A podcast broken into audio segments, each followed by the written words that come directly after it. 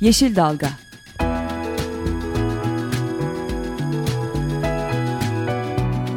Çevre mücadeleleri üzerine.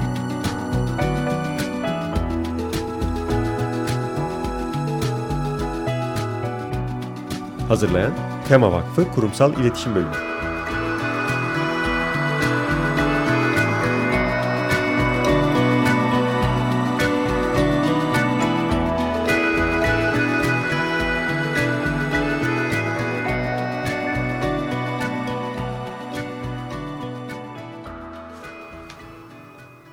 Merhabalar. Tema Vakfı tarafından hazırlanıp sunulan bir Yeşil Dalga programında da sizlerle birlikteyiz. Ben Esra Yazıcı Gökmen.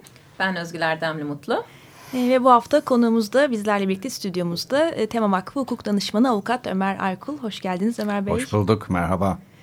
E, kendisiyle e, uzun bir süredir e, gündemde olan bir konuyu konuşacağız. Soma Yırca'dan yola çıkarak e, zeytinliklerle ilgili mevzuat ve Tema Vakfı'nın zeytinliklerle ilgili yapmış olduğu çalışmaları konuşacağız. E, bildiğimiz üzere artık hepimiz yakından da takip ediyoruz. Bu Soma Yırca'daki e, son durumda hem e, aslında olumlu karşılayabileceğimiz bir hukuki gelişme e, yaşandı. E, oradaki köylülerin ve Greenpeace'in açtığı o acele kamulaştırma ile ilgili açtığı e, davada Danıştay yürütmeyi durdurma kararı verdi. Hem de yürütmeyi durdurmanın gerekçeleri de aslında çok e, önemli. Zeytinlik alanda termik santral yapılamaması yönünde ve bu konuda bir acele kamulaştırma kararı verilememesi gerekçeleriyle bir yürütmeye durdurma kararı alındı. Bu olumlu bir gelişme ancak e, mevcut duruma baktığımızda e, maalesef e, oradaki e, bin, 6 bin zeytin ağacının e, kesilmesine engel olamadı. E, son bir... E, yapılan e, müdahaleyle bu ağaçlar e, adeta katledildi. Yani hukuki olarak e, bir tarafta, alınan olumlu karar hı, fiiliyata dönüştürülemedi. Maalesef zaten sorun bir süredir devam ediyordu. Hı hı. E, 6 bin ağacın kesilmesiyle de e, çok olumsuz anlamda daha artmış oldu. Hı hı. E, diğer taraftan... E, Evet diğer taraftan bölgede hem e, köylülerin başlattığı hem de e, sivil toplum örgütleri olsun e, başta Greenpeace olmak üzere e, hukuki olarak yaptıklarının dışında sahada da e, köylülere e, destek anlamında çalışmalar yapmaya devam etti. Tema Vakfı gönüllüleri de bizim e, Manisa temsilcimiz, e, Turgutlu tem, e, Gönüllü sorumlumuz. Gönüllü sorumlumuz, ilçe gönüllü sorumlumuz ve aynı zamanda da yönetim kurulu üyemiz de e, sahaya gittiler bir tema gönüllü grubuyla hem e, destek vermek amacıyla hem köylüleri dinlemek amacıyla oraya gittiler ama artık e, yani bu, bununla ilgili olarak Türkiye çapında gerçekten medyaya da konunun yansıması ve e, bu hassasiyetin Soma'daki, Yırca'daki problemin medyanın da aracılığıyla bütün Türkiye'ye duyurulmasına sağladı. Biz de aslında buradan hareketle biraz bugün Yırca'dan hareketle Yırca'yı konuşalım ve oradaki aslında zeytin açısından baktığımızda da zeytin yasası ile ilgili olarak da temanın duruşunu, zeytin ve tema dediğimizde temanın zeytinle ilişkisini konuşalım istedik. Bunun için de stüdyomuza Tema Vakfı'nın uzun yıllardır e, hukuki danışmanlığı yapan e, avukat Ömer Aykul'u konuk ettik. E, sağ olsun kendisi de bizi kırmadı. E, davaları bir kenara bırakıp bugün bizimle birlikte. Hoş geldiniz tekrar. Hoş bulduk. E, tabii Tema e, hukuk mücadelesine başladığı e, 98 yılından beri zeytinle iç içe. Özellikle temanın ilk davalarından bir tanesi 1990 yılında, 99 yılında e, Aydın ili Dalama Bucağı Kasımlar mevkiinde zeytin alanının hemen bitişinde yapılmak istenen bir çimento fabrikasıyla ilgili. Çimento fabrikasının çet olumlu kararı temanın açtığı bir dava ile e, 2000 yılında iptal edildi. Temanın hukuki olarak zeytinle olan ilişkisi bu şekilde başlamış oldu. 2001'e geldiğimiz zaman bütün e, renkli basında şunu gördük. Zeytin ormanları geliyor. Allah Allah. Ne zamandan beri zeytin orman ağacı oldu? Ne zamandan beri bir tarım ürünü olan zeytinin ormanı oluyor? Bu tabii tamamen e, yanlış, e, farklı e, bir e, algı yaratmak için oluşturulmuş bir konuydu.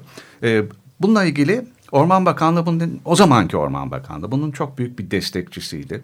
Ve bununla ilgili ağaçlandırma yönetmeliğinde bir değişiklik de yaptılar. Ve o değişiklik o zaman e, devlet ormanı sayılan yerlerde asli orman ürünü veren ağaç türlerinin yanı sıra tali orman ürünü veren sayıyor sayıyor sayıyor zeytin dahil saf ve karışık ormanlar tesis etmek amacıyla özel ağaçlandırma izni verilebilir. Ne demek saf orman? Ne demek karışık orman? Orman bir ekosistemdir. Saf orman olur mu? Tek türden orman, monokültürlü orman olur mu? O orman olmaz. Nedir onun adı? Çamlık, kestanelik, zeytinlik, meşelik, kavaklık. Bakınız hep bunlar çok kullanılan tabir. Böyle şeyler olur. Tabii tema buna itiraz etti ve dava açtı. Hem o zaman zeytin alanları, e, orman alanlarını zeytinliğe çevirmek için e, girişimde bulunan e, birisi kamu kurumu, birisi e, özel kuruluş olan kişilerle yapılan protokolların ve yönetmenin iptali için dava açtı. Çok gürültü kopardı bu davalar. Bu 2001 senesinde 2001'de başladı ve e, bu davalar temanın e, dava açma gerekçesi yönünde iptal ile sonuçlandı ve 2008'e kadar bunun mücadelesi sordu. Çünkü şunu anlatmaya çalıştık. Bakınız siz böyle diyorsunuz ama zeytin orman alanına zeytin diktiğiniz takdirde anayasanın 169 son ve orman kanununun 2B maddesi gereği zeytinlik alanlar orman vasfını yitirmiş alan olarak değerlendirilmekte ve orman dışına çıkartılmaktadır. Ve o zaman Ege'de çok yoğun olarak ikinci ve üçüncü konutlarda özellikle zeytin alanlarının imara açılmasıyla yapılıyordu. Siz ormanlık alanları yok edeceksiniz dedi ve biz bunu her aşamada yüksek sesle söyledik ve Danıştay'da da ifade ettik ve sonuçta bu e, iptal edildi ve bu girişim durdu. Ve insanlar anladılar. Zeytin bir orman ağacı değildir, bir tarım ürünüdür ve özel bir de kanunu vardır. Bu özel kanunuyla korunmuş, adına kanun çıkmış bir bitki türüdür. Bunu unutmayalım. Artı 2003 yılına geldiğimizde aynı konuda yine ağaçlandırma yönetmeninin değiştirilmesi ile ilgili bir dava daha açıldı. Bu bu konuda iptal kararı alındı ama bunun çeşitli düzeylerde e, karar düzeltmeleri vesaire temiz ve bu dava ta 2012 yılına kadar sürdü. Bu arada çok enteresan bir gelişme oldu. Türkiye 2009 yılında imzalayıp 2010 yılında resmi gazetede ilan ederek Uluslararası Zeytinyağı ve Sofralık Zeytin Anlaşması'nı onayladı. Şimdi herkesin dikkatini şu konuya çekmek istiyorum. Dünyada üzerine uluslararası anlaşma hazırlanmış tek bitkidir zeytin. Bunu unutmayalım. Ve Türkiye'de zeytin üzerine yapılmış müstakil bir yasa da vardır. Ona geçmeden önce aslında Ömer Bey sizden bunu da öğrenmiş olduk. Altını çizelim mi isterseniz? Çok Çünkü gerçekten önemli. şimdi zeytin konusu da bu kadar gündemdeyken aslında önemli uluslararası boyutta da bizimle e, biz en azından benim bilmediğim bir konuyu paylaşmış oldunuz. Onun için de teşekkür ediyorum. Birleşmiş Milletler tarafından 2009 senesi miydi? Tekrarlamak açısından söylüyorum dinleyicilerimize. Birleşmiş Milletler e, tarafından 2009 senesinde e, sunulan, imzalanan ve Türkiye'nin de taraf olduğu bir evet. milletler arası anlaşma. Gerçekten hani biz Türkiye'de yasa olarak zeytin koruma yasasının olması başlı başına önemli bir konu. Yani baktığımız baktığımızda hem Türkiye'de kendimizin Türkiye'deki zeytinleri ve zeytinlikleri koruma yönde bir yasamız var. Ayrıca da Türkiye Birleşmiş Milletler'de zeytinle ilgili e, olan bu yasaya taraf. Yani hem Sözleşme. uluslararası hem ulusal anlamda Peki, güçlü şeyler var. Çok güzel. E, peki ne oldu yani? Zaten bizim bir yasamız vardı. Bu uluslararası yasayı 2005'te e, Birleşmiş Milletler'in kabul edip Türkiye'nin de 2009'da onaylayıp 2010 Şubat'ında da yayınladığı bu yasayla ne o bu uluslararası sözleşmeyle ne oldu? Biliyorsunuz ki anayasanın 90 son maddesi gereği anayasamızın 12 ila 74. maddeler arasında yer alan temel hak ve özgürlüklerle ilgili Türkiye'nin taraf olduğu bir uluslararası sözleşme sizin iç hukukunuzla ile çetiş, çatışırsa, çelişirse uluslararası sözleşmelerin esas alınacağı bizim anayasamızın hükmüdür. Şimdi bu uluslararası zeytin ve zeytinyağı e, sözleşmesinde e, özellikle şu çok ilginç. Bilhassa çevrenin korunması ve muhafaza edilmesi maksadıyla zeytinlik ve çevre arasında etkileşimi iyileştirmek için gösterilen çabalar ve atılan adımları ilerletmek madde birin bir fıkrası ile şimdi düşünün Yırca'da yaşanan zeytin sökümünün nasıl birleştireceksiniz? Yani uluslararası sözleşmeyle bir yere angaja oluyorsunuz ve bunu anayasanızla artık kanunlarla çetişirse kanunumu bile uygulamayacağım. Bunu uygulayacağım diyeceksiniz. Ondan sonra da dağ taş zeytin oldu nereye? Ee, efendim biraz da enerjiye ihtiyacımız var diyeceğiz. Tabii enerjiye gelmişken bir cümle söyleyelim. Enerji önemli ama Türkiye'nin enerjiye ihtiyacı mı var yoksa Türkiye'yi bir enerji üssü mü yapmak istiyoruz? İkisi arasındaki ayrım önemli.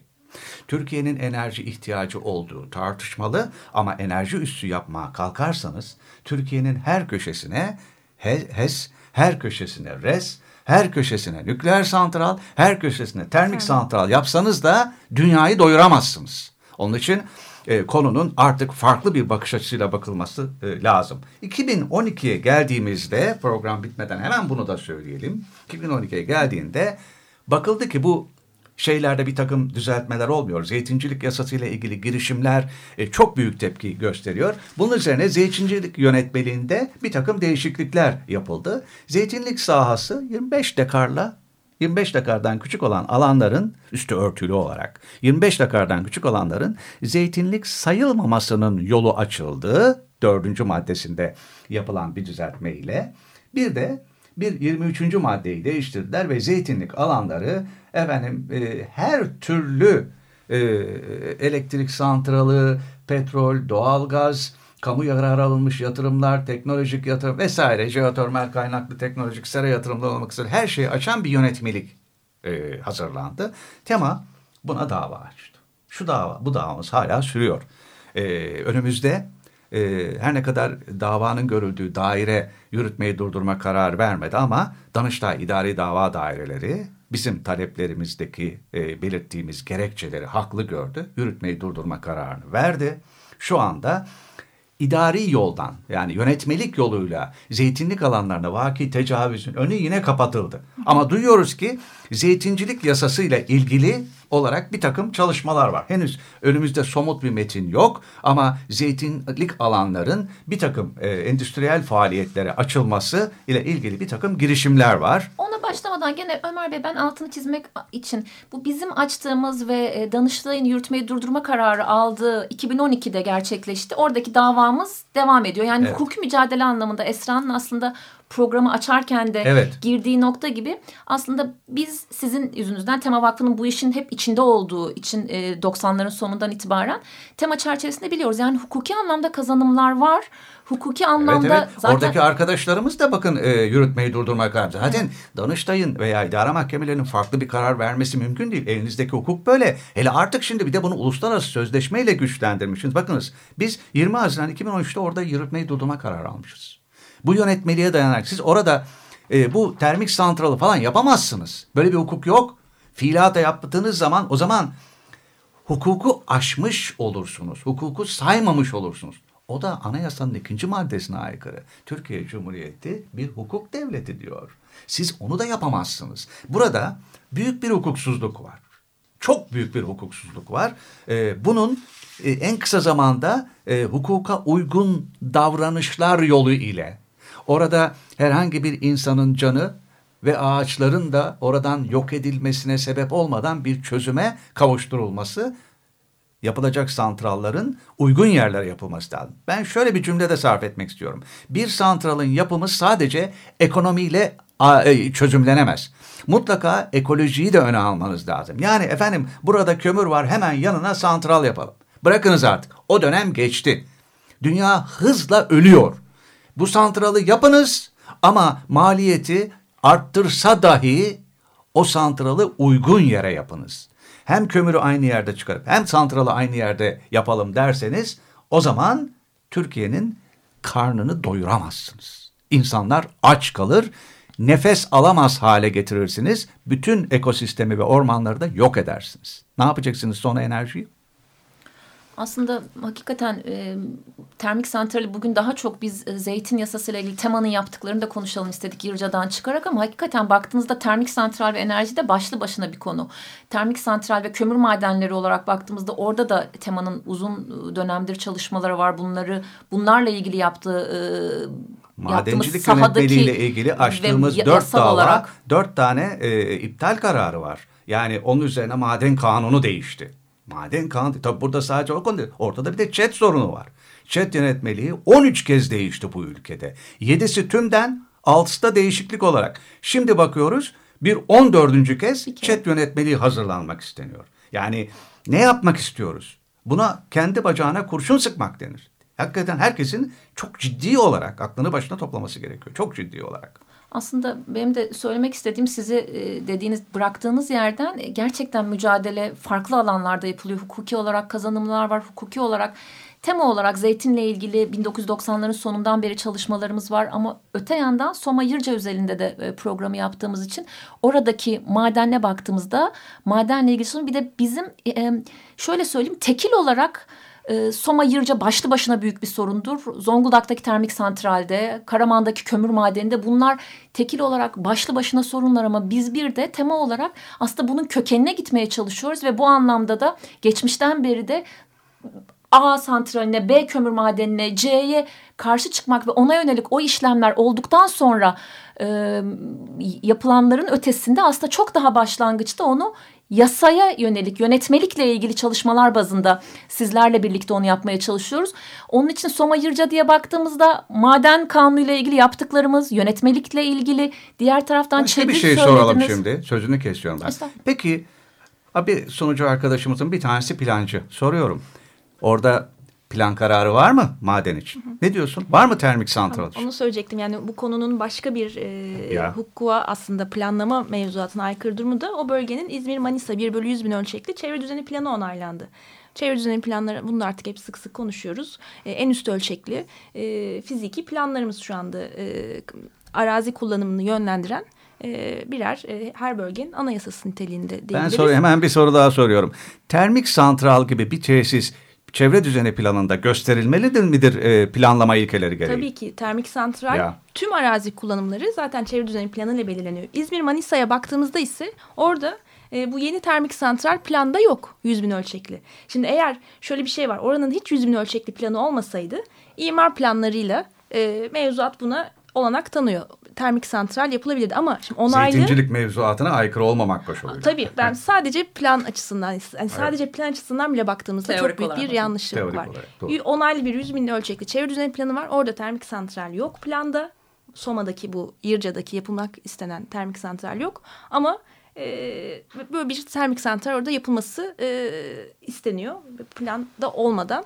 E, bu da ayrı bir... E, hukuksuzluk konunun. Yani hukuka aykırılığın bir de e, plan hukuku açısından aykırılığı var. Yani zeytincilik hukuku açısından aykırı, anayasanın 90 nedeniyle bir uluslararası sözleşmeyle ilgili aykırılık var. Bir de e, planlama açısından hmm. aykırılık var. Bu kadar hukuka aykırılığın olduğu bir yerde yapılacak tek şey hukuka uygun davranarak bu şu anda gerilmiş olan sinirleri, bozulmuş olan sinirleri düzeltmektir. Bu da idareye düşer. Ben umuyorum, ben umuyorum ve inanıyorum e, yöneticilerimiz mutlaka burada aklı selim ile düşünerek buradaki tansiyonu düşürecekler ve mutlaka hukuka uygun olarak oranın bir zeytincilik alanı olarak kalmasına e, kalmasını sağlayacaklardır. Umudumu koruyorum ben.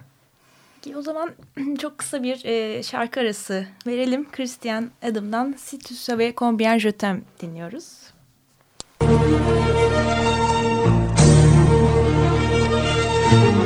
Si tu savais combien je t'aime Tu comprendrais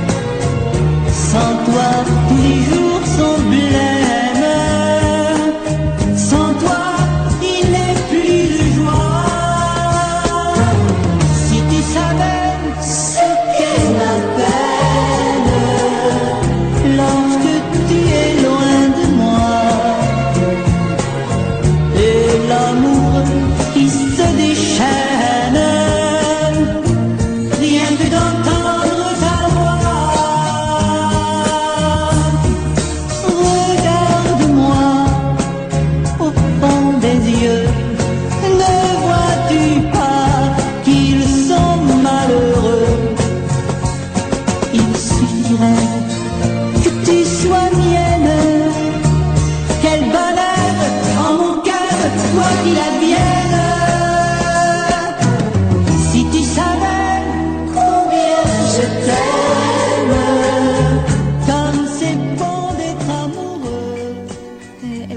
Dalga programımız devam ediyor. Christian Adam'dan Situs'a ve Combien Jötem'i dinledik. E, Tema Vakfı Hukuk Danışmanı Avukat Ömer Erkol'la birlikte Soma Yırca'yı konuşuyoruz. E, zeytinliklerle ilgili mevzuatta yapılan değişiklikler, bunlar ne gibi olumsuzluklara yol açacak ve biz Tema Vakfı olarak neden e, bu e, mevzuat değişiklikleriyle ilgili hukuki süreçleri başlattık. Onları konuşuyorduk ve en son ben şuradan tekrar konuyu e, hatırlatmak istiyorum. 2012 yılında zeytinliklerle ilgili yönetmelikte yapılan değişiklikle 25 dekarın altındaki alanların e, zeytinlik alanı olarak e, kabul edilmesinin e, zeytinlik alanı dışına çıkartılmasının önü açıldı.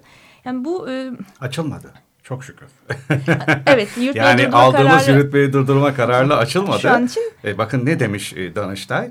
Kanunun yani zeytincilik kanununun, zeytinlik kanunu, zeytinlik alanları korumaya, iyileştirmeye ve yeni zeytinlik alanlara korumaya yönelik hükümleri gereği zeytinlik alanların daraltılması, küçültülmesi mümkün olmadığından, yasada da asgari büyüklük bir şartı getirilmediğinden kanunun lafzına yani kelimelerine ve ruhuna aykırı olarak getirilen bu sınırlama 25 dekar sınırlaması kanuna açıkça aykırıdır. aykırıdır. Artık Danıştay'ın söylediği e, bu gerekçenin üzerine ben bir cümle veya bir kelime eklemeyeceğim. Gayet güzel açıklamış.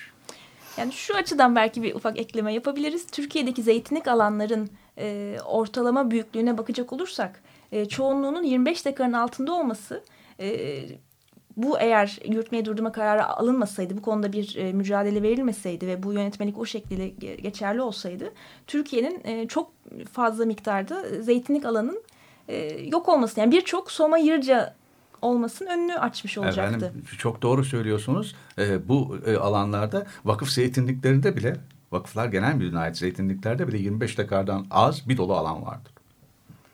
Bu açıdan... Onun için çok e, riskli bir karar.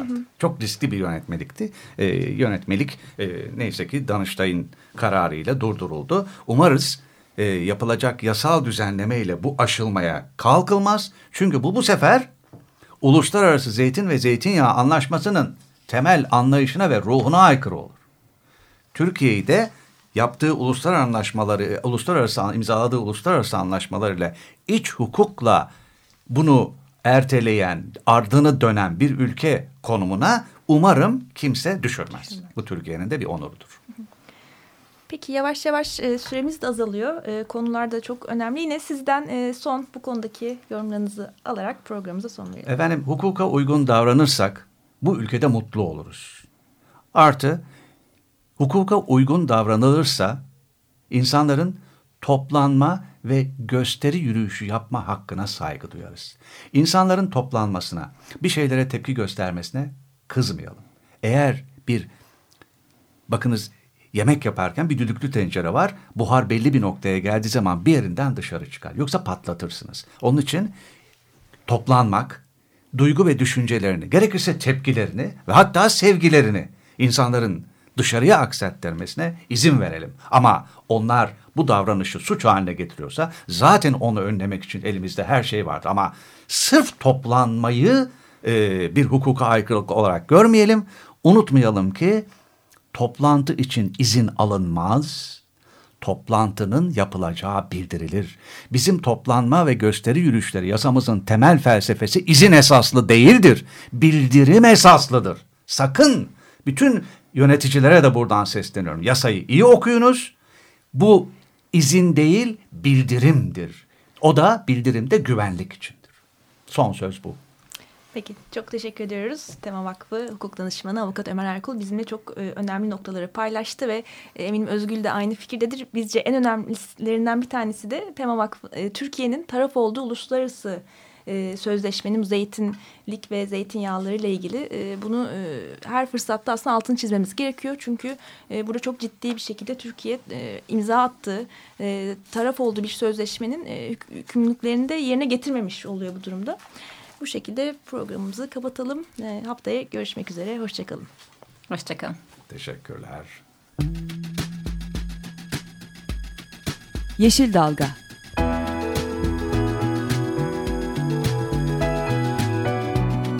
Çevre mücadeleleri üzerine.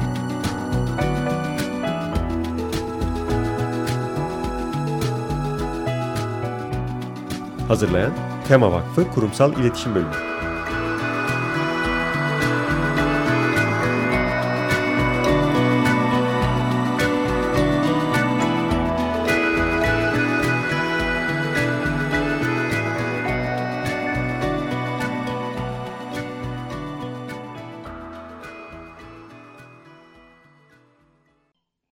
Radyo program destekçisi olun.